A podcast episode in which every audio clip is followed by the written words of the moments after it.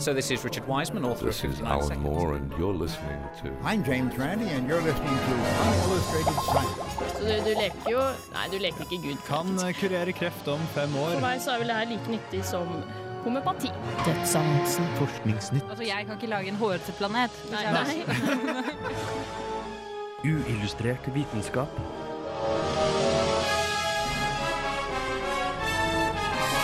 Science, it works, bitches.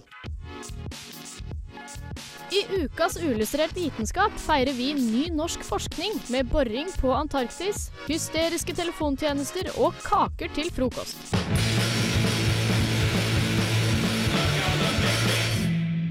Radio Revolt.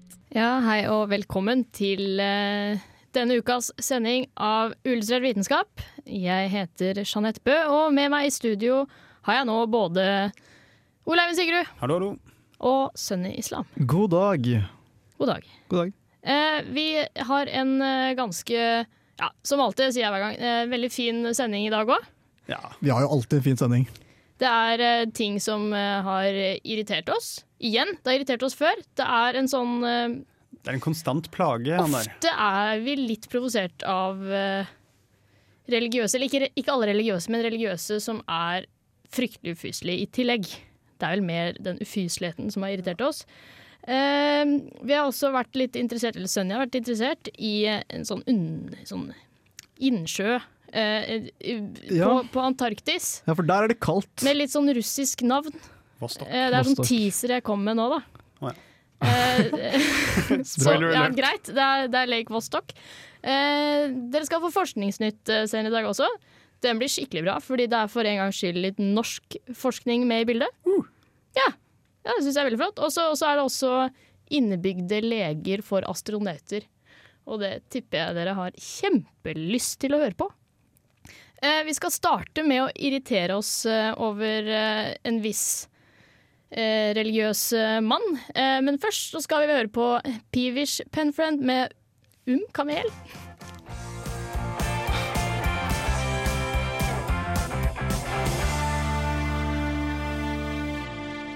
Du hører på Radio Revolt, studentradioen i Trondheim.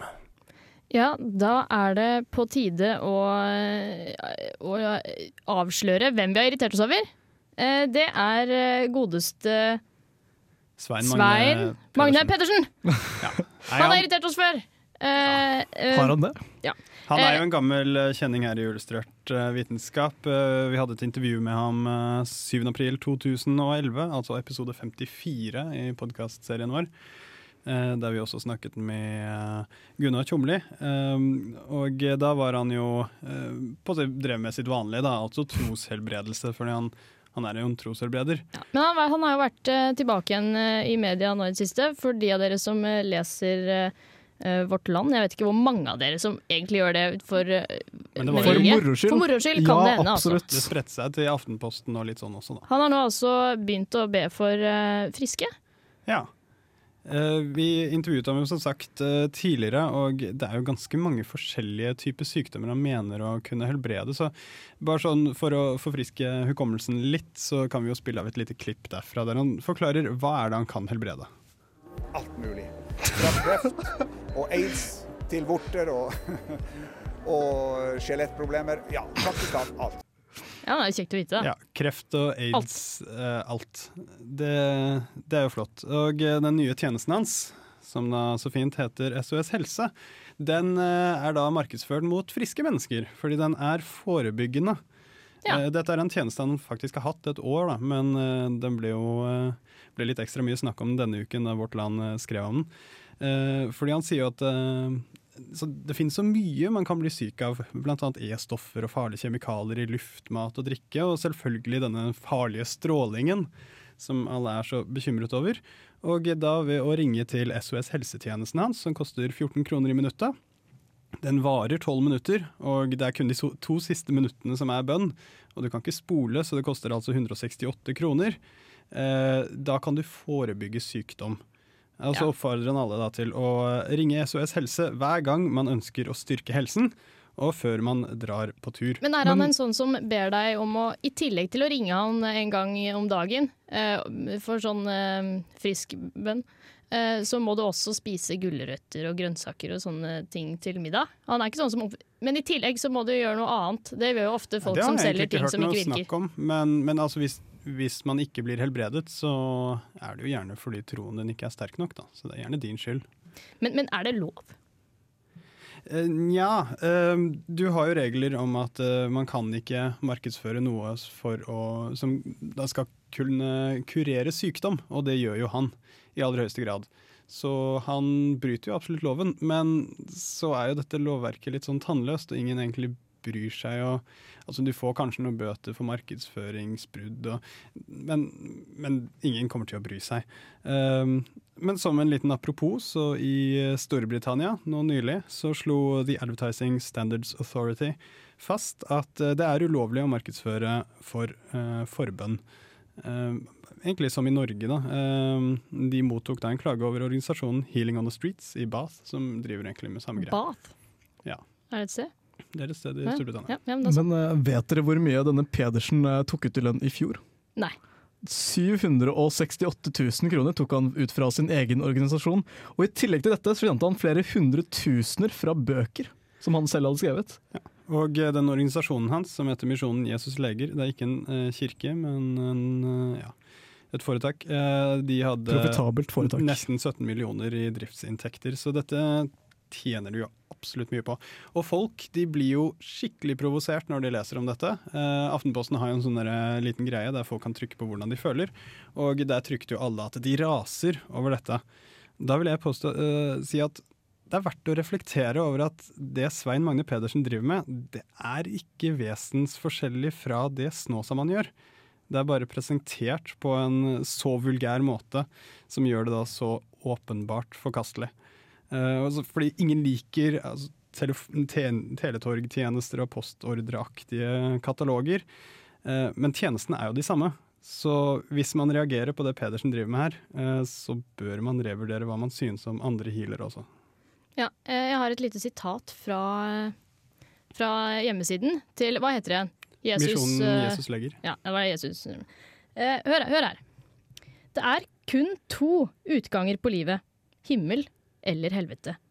Gud venter på at du skal ringe. Det er flott. Flott. Det er vel bare én utgave på livet, og det er døden, så vidt jeg har forstått. Jeg har jo et annet uh, artig sitat som han ga helt uh, fritt i et uh, intervju til Vårt Land, og det var at denne SOS helsetjenesten var jo en genial måte å få inn penger på. Jeg har Oi. et sitat ikke av Pedersen, men fra Bibelen. Hvis du vil være perfekt, selg dine eiendeler, gi til de fattige, og du vil få skatt i himmelen. Ja, jeg syns det her var en fin avrunding på vår, eh, på vår lille irritasjonsspalte for, eh, for denne uken. Vi skal få høre om Lake Vostok, eh, gjort av Sunny Islam her. Eh, men det skal vi først få høre etter Beach Fossils med 'Shallow'.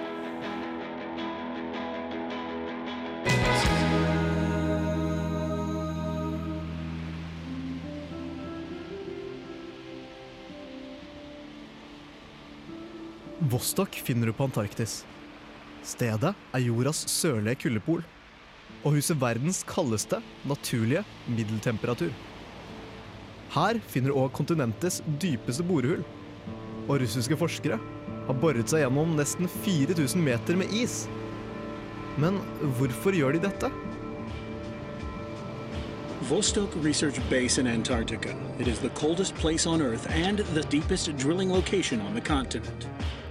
I 1974 skannet britiske forskere isen i Antarktis med ispenetrerende radarfrekvenser. Forskerne leste av merkelige radarmålinger, men skjønte ikke hva de kom av. Nesten 20 år senere ble den europeiske satellitten ERS brukt til å skanne samme område. Og med romradaren fant man en av verdens største innsjøer. Men ulikt Mjøsa, som har en synlig vannoverflate, ligger vannoverflaten til denne innsjøen nesten 4000 meter under isen.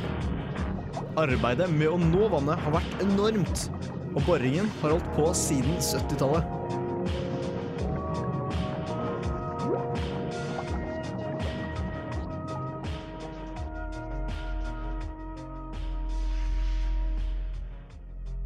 Vannet ble passende kalt Lake Vostok.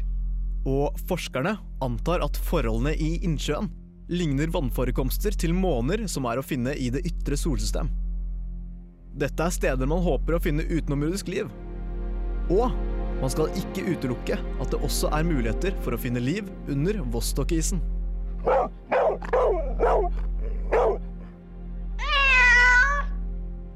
Om vi skulle finne mikrobielt liv i vannet, vil dette være uhyre spennende. Innsjøen har nemlig vært isolert fra utenomverdenen i 20 millioner år. Eventuelle livsformer vil derfor være ulikt det meste på jorda. Samt vil alt av liv der nede måtte klare seg uten både sollys og en atmosfære.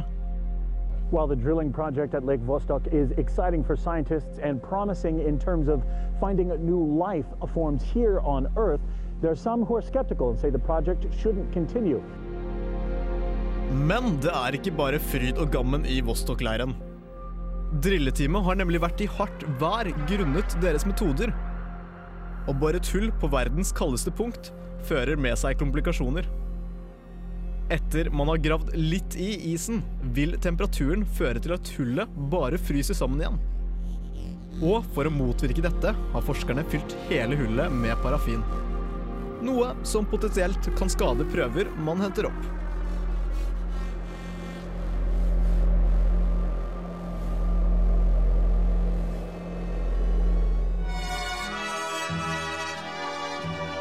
Nuclear reactors could provide power almost indefinitely. Greenhouses could maintain plant life. Animals could be bred and slaughtered. Uillustrert vitenskap. Ja, det var litt uh, info der om uh, det kaldeste stedet på jorden. Stemmer. Eh, og verdens dypeste eh, bo, bo Vi har en, hatt en diskusjon dere kan sende inn til eh, UV etter Radio Revolt. Er det borehull eller borehull? Borehull. Men det, det er ikke er verdens dypeste borehull, eller borehull. Det er Dypeste sted å bore? kontinentets dypeste, altså Antarktis. Ja, Sånn, ja. Ja, ja, flott. Eh, men eh, når det er så kaldt, eh, hvor kaldt er det egentlig? Gjennomsnittstemperaturen gjennom en dag på Vostok er minus 57 grader celsius. Ja, ja. Og den høyeste temperaturen som er målt noensinne på dette stedet, er 12,2 minusgrader.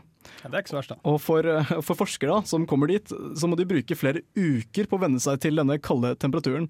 Og gjennom denne vennelseprosessen så opplever de økt blodtrykk, vekttap, søvnløshet, dårlig appetitt og kvalme.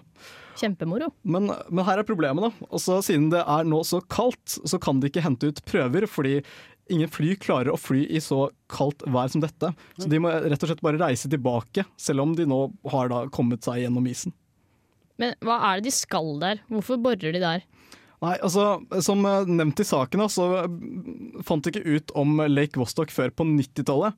Men man begynte å bore allerede på 70-tallet. Selve basen der ble jo laget i 1957. Men originalt så bora de for å undersøke hvordan Antarktis ble formet, og hvordan den var før. Og de har hatt mye pauser i drillingen.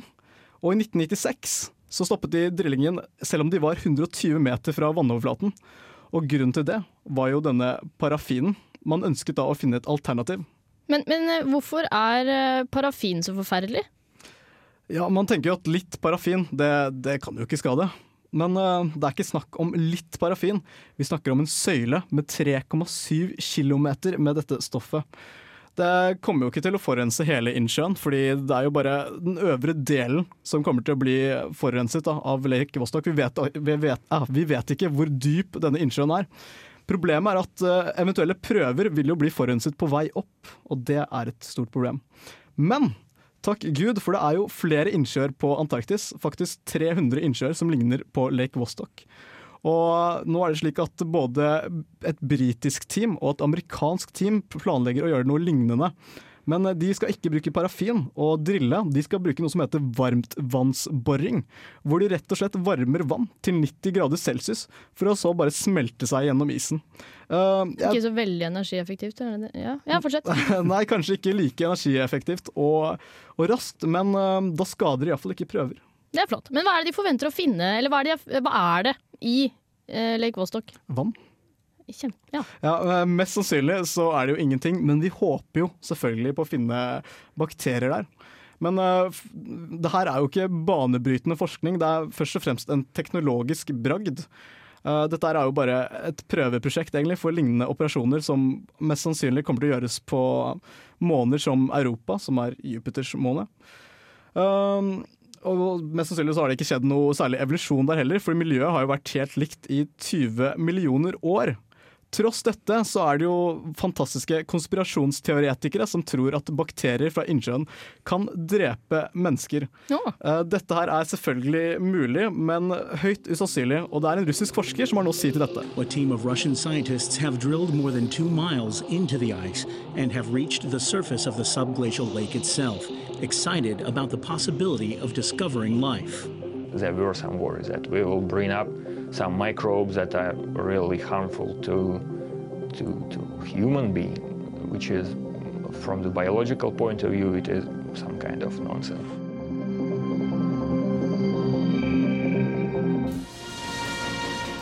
Uillustrert vitenskap presenterer Forskningsnytt.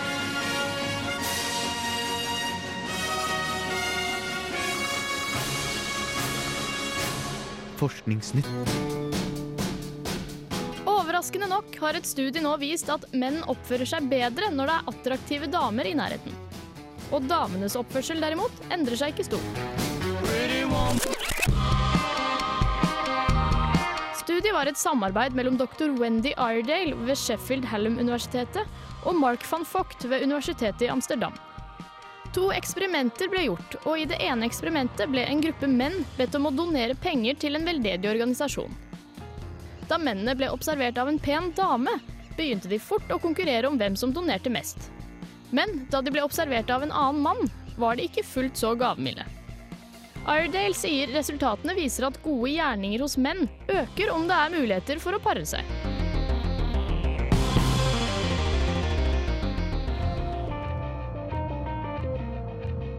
Pasient som lider av schizofreni hører indre stemmer, skjer det noe i hjernen som hindrer pasientene i å oppfatte virkelige stemmer. En iPhone-app kan nå hjelpe pasientene med å lære å skifte fokus. Dette flotte prosjektet er i tillegg norsk. Lederen av prosjektet er professor Kenneth Hugdal ved Universitetet i Bergen. I prosjektet, som er finansiert av Nevronor, har forskergruppa brukt ulike hjerneavbildingsteknikker for å se hva som skjer i hjernen når indre stemmer oppstår. Ut ifra dette har forskerteamet klart å lage denne appen, som ved hjelp av hodetelefoner trener schizofrenipasienter til å fokusere på stemmen som kommer til det ene øret, og stenge ute den som kommer til det andre øret. Foreløpig har kun to pasienter prøvd appen, men tilbakemeldingene er ifølge Hugdal lovende.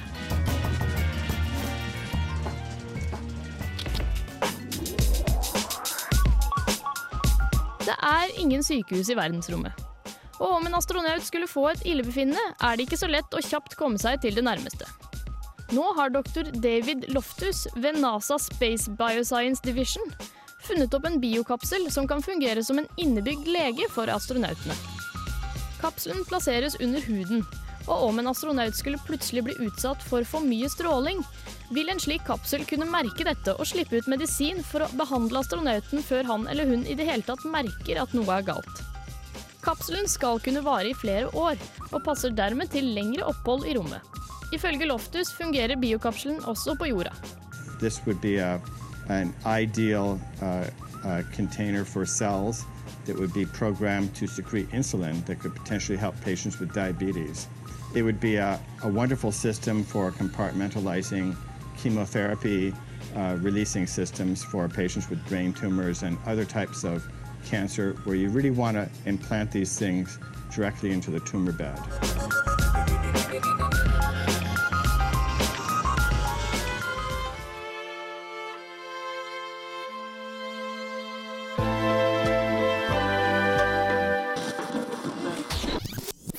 Radio Revolt. Ja, det var en eh, flott eh, og rolig og en anelse depressiv Nei, fin låt av eh, Rye. Låta het Open. Før det så hørte du Forskningsnytt presentert av meg, som vanlig. Og første nyhet Menn er bare snille og ålreite og uselviske når det er pene damer som observerer de, ifølge en eh, forsker ved navn Iredale eller noe sånt. Men de testa jo aldri for om eh, det var bedre rundt en pen kvinnelig observatør og en stygg kvinnelig observatør, hvis det er lov til å si stygg på radio? Er det det? Ja, nei, Det sto ikke noe om det. Jeg tror kanskje de bare var litt redde for at eh, Ja, de hadde ikke lyst til å kalle noen damer stygge. Sånn, kan du være med på det, det forsøket her, siden du er litt stygg? Eller da. Kan jo også fortelle at eh, Jeanette har drevet og danset rundt i Pretty Woman i hele dag. Ja, det, det stemmer. Jeg, jeg, dere hørte den i starten av, eh, av eh, forskningsnyhetene. Jeg brøyt den fort, da, men det var veldig eh, godt, eh, godt eh, gjenhør. Men det var altså to forsøk da, som ble, ble gjort. Begge involverte pengedonasjoner. Eh, og, og menn gir mer. Men eh, kan man egentlig vite at det var for å fremstille som, eh, som snill og sjenerøs, og ikke for å vise hvem Ja, det som kan hadde være mest penger? pengesterk. Pengesterk kan jo òg være, være en god eh, egenskap. Det kan jo på en måte være den litt mer siviliserte brytekampalternativet. Ja, Vise hvem som ja. har mest penger, istedenfor å vise hvem som er sterkest. Jeg syns også konklusjonen til de to forskerne her var, var litt underlig. Jeg har et spørsmål til, til dere to herrer. Konklusjonen var at med en gang at, at, at menn blir snille Ja. med en gang det er en dame i rommet, Fordi Ja. da er det mulighet for paring. Ja. Er det med en gang, så med Ja. en gang det er en kvinne i rommet, så da, da ser dere en mulighet. Kult. Neste spørsmål. Flott. Flott. Eh, jeg, ja. Jeg føler meg Det er en ubehag med å være her nå. Ja, det, eh, og til noe annet. Ja da. Eh, iPhone-app mot schizofreni. Det er ganske spennende. Eh, det er, det er en norsk, eh, norsk oppfinnelse også. Det er kult. Eh, Bergen, da. Men altså, allikevel norsk. Nesten norsk oppfinnelse. Eh, Men du snakket jo om hva som skjedde i hjernen. Altså, hva, hva er det som skjer i hjernen når disse indre stemmene oppstår? De har sett på, på bilder av, av hjernen, da, og da viser det seg at det skjer en aktivering av nervecellen i bakre øvre venstre tinninglapp. Eh, Og akkurat eh, den tinninglappen snakka jeg om forrige uke, da man kunne gjøre om eh, bilder til ord. Ja. Det er jo litt spennende. For det er jo det, det området i hjernen som har ansvar for taleoppfattelse. Og det er den som aktiveres når altså friske mennesker hører tale. Og da skulle man jo tro at en person som hører mange flere taler, altså som hører stemmer, burde ha en høyere aktivering, eller dobbelt så mye aktivitet i den eh, delen av hjernen enn eh, friske mennesker. Men det viser seg altså at, eh, at det blir slått helt av. Det er ikke noe reaksjon der i det hele tatt. Og det, det, det er nytt. Det visste man ikke. Eh, også, men, men alle vi hører jo liksom indre stemmer innimellom, eller sånn sang på hjernen, eller noe sånt, men vi klarer, vi klarer å føre en samtale den dagen allikevel. Eh, men det er altså, i tillegg til den eh, tinninglappen, så er det noe i frontallappen. Vet ikke helt hvor den er. Sikkert i fronten. Den er i fronten. fronten. Stemmer. Bra. Eh, som, sånn. som, eh, der er det noe feil hos folk som har schizofreni. Eh, som som eh, fører til sånn dårlig, dårlig sånn impulskontroll. Eh, og det er noe man da kan trene opp ved å høre én stemme i det ene øret med et headset, og en annen stemme i den andre. Så da, da skal du trene deg opp ved å greie å luke ut den ene stemmen, tror de. Jeg har også en app i det. Um, Ja, kom igjen.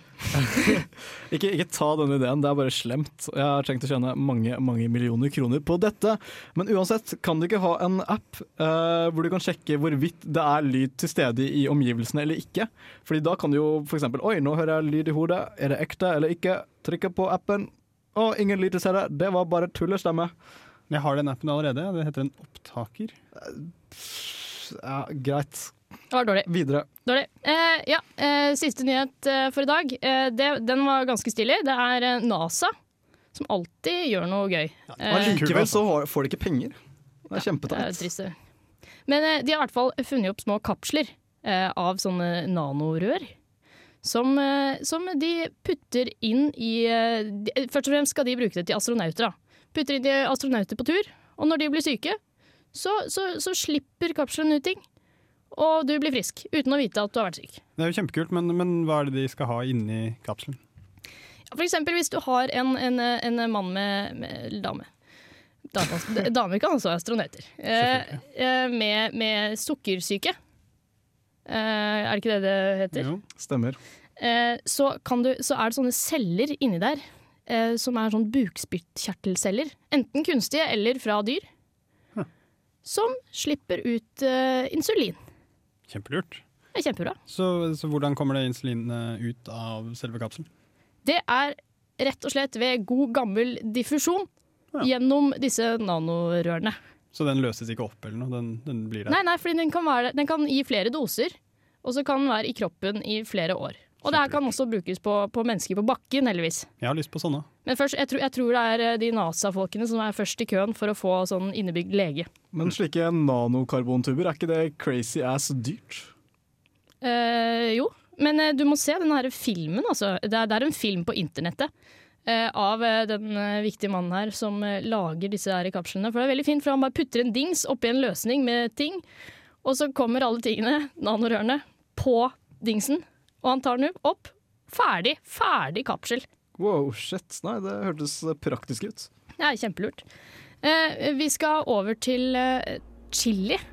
Og det er det rett og slett eh, Sunny som står for. Og det skal vi gjøre nå. Frukten til chiliplanten er helt vanvittig sterk. Så sterk at pattedyr ikke klarer å spise den. Men for at avkommene til chiliplanten skal overleve, bør frøene spres i størst mulig grad. Og for at dette skal skje, må noen spise frukten. Smertesensorikken hos fugler ignorerer stoffet kapsaisin, som står for den sterke smaken hos chilien.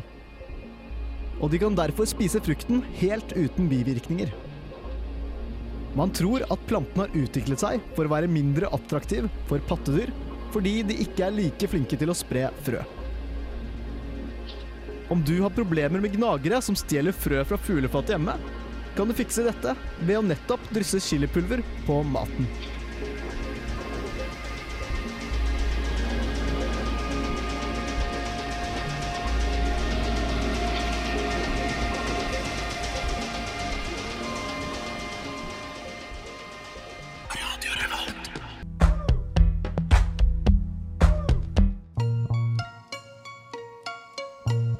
Ønsker du å gå ned i vekt?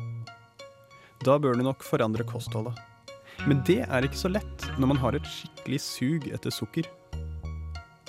Men kanskje det blir lettere å gå ned i vekt om man spiser en skikkelig dessert til frokost? Det mener i hvert fall forskere fra Tel Aviv. De har nettopp publisert en studie med 193 deltakere som alle led av fedme. Deltakerne ble delt i to grupper.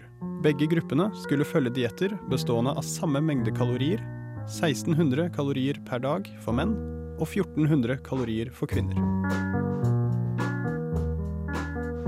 Den første gruppen fulgte en lavkarbodiett med en liten frokost på 300 kalorier. Den andre gruppen derimot fikk kose seg med en frokost på 600 kalorier, inkludert en dessert bestående av sjokolade, cookies eller sjokoladekake. Halvveis i den 32 uker lange studien hadde deltakerne i begge gruppene gått ned like mye. I snitt ca. 15 kilo. Men i de siste 16 ukene skjedde noe interessant. Lavkarbogruppen la på seg i underkant av 10 kilo i snitt. Mens gruppen med deilig frokost gikk ytterligere ned nesten 7 kilo. Etter 32 uker hadde de som spiste sjokoladekake til frokost, altså gått ned 17 kilo mer enn lavkarbogruppen. Hvorfor det?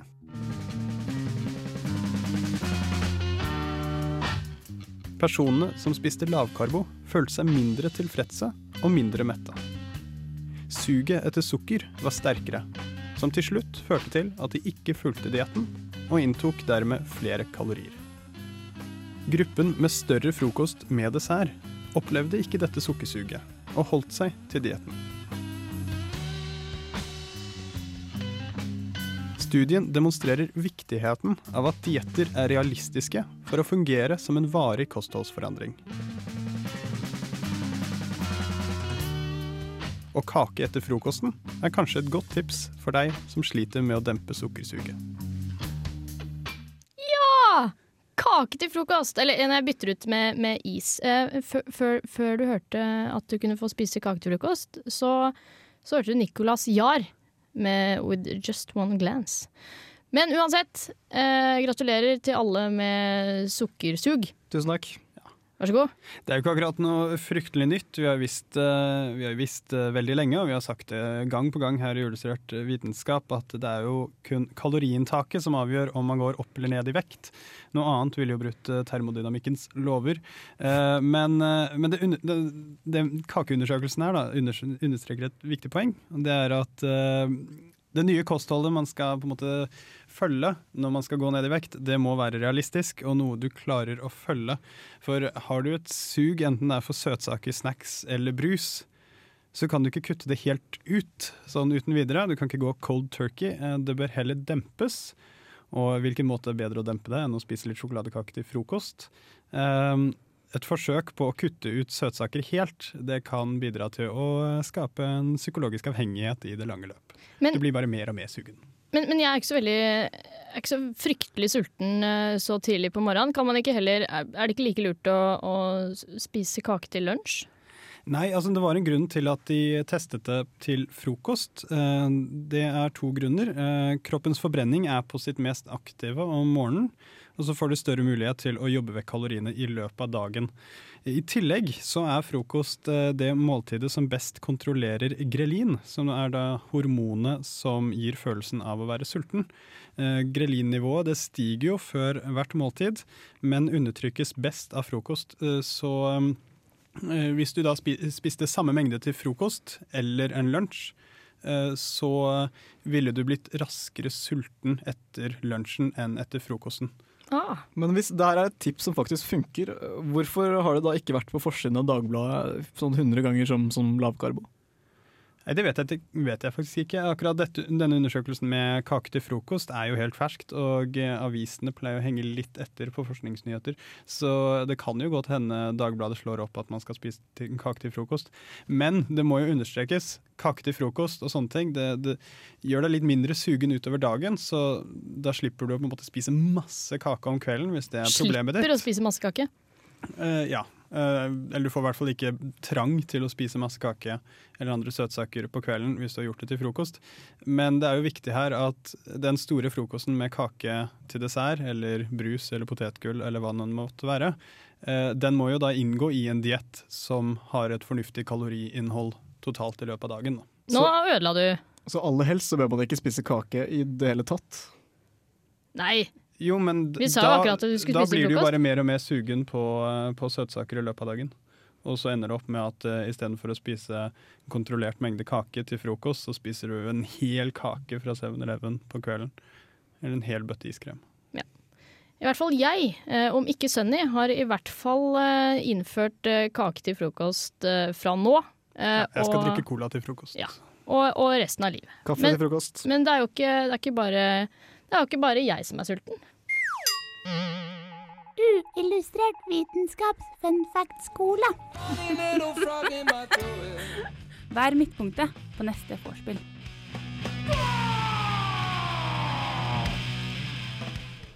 Visste du at hver gang Charles Darwin oppdaget en ny art, spiste han et eksemplar?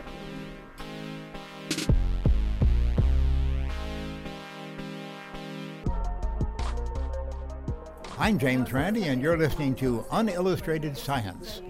Ja, da har vi rett og slett eh, kommet til veis ende av eh, denne utgaven av Illustrert vitenskap. Eh, men før vi runder av, så må jeg informere om, det har dere kanskje hørt før, at Ole Eivind er jo medarrangør i, i noe så flott som heter Kritisk masse. Er det en uh, messe om fisjon? Nei, det er Skepsiskonferansen i Oslo, og det fører jo da til eh, at jeg kommer ikke her i studio neste torsdag, Ah. for da er jeg i Oslo. Fordi eh, Kritisk masse, Skepsiskonferansen i Oslo, den går av stabelen neste helg. Om en uke, altså. Eh, og eh, det blir kult, og jeg kommer til å antagelig ha med meg noen godsaker derfra i sendingen om to uker, fordi det kommer masse spennende folk. Eh, bare for å nevne et par, så kommer jo Richard Wiseman. Eh, Svein Magne Pedersen mener at stråling er skadelig, men Gunhild Oftedal kommer og snakker om at det antagelig ikke er fullt så skadelig. Og så kommer jo masse andre folk. Så det, det her blir stas, altså. Ja, eh, Kritiskmasse.no hvis man eh, vil eh, lese mer om konferansen. Ja, ja. Flott. Eh, live eh, kommer etter oss, eh, og de har vært innom her og fortalt at de skal ha en aldri så liten jazzsending i dag. Det Høres bra ut. Det blir kjempe, kjempe, kjempefint, vil jeg, vil jeg tro. Imellom alt pjattet deres. Jeg heter Jeanette Bø, og med meg i dag har jeg hatt Ole Eivind Sigrud og Sunny Islam. Ha det godt. Vi har hatt en flunkende ny, fantastisk tekniker i dag som heter Kjersti Bakken. Og ved hennes side Rune Stana. Så takk for oss.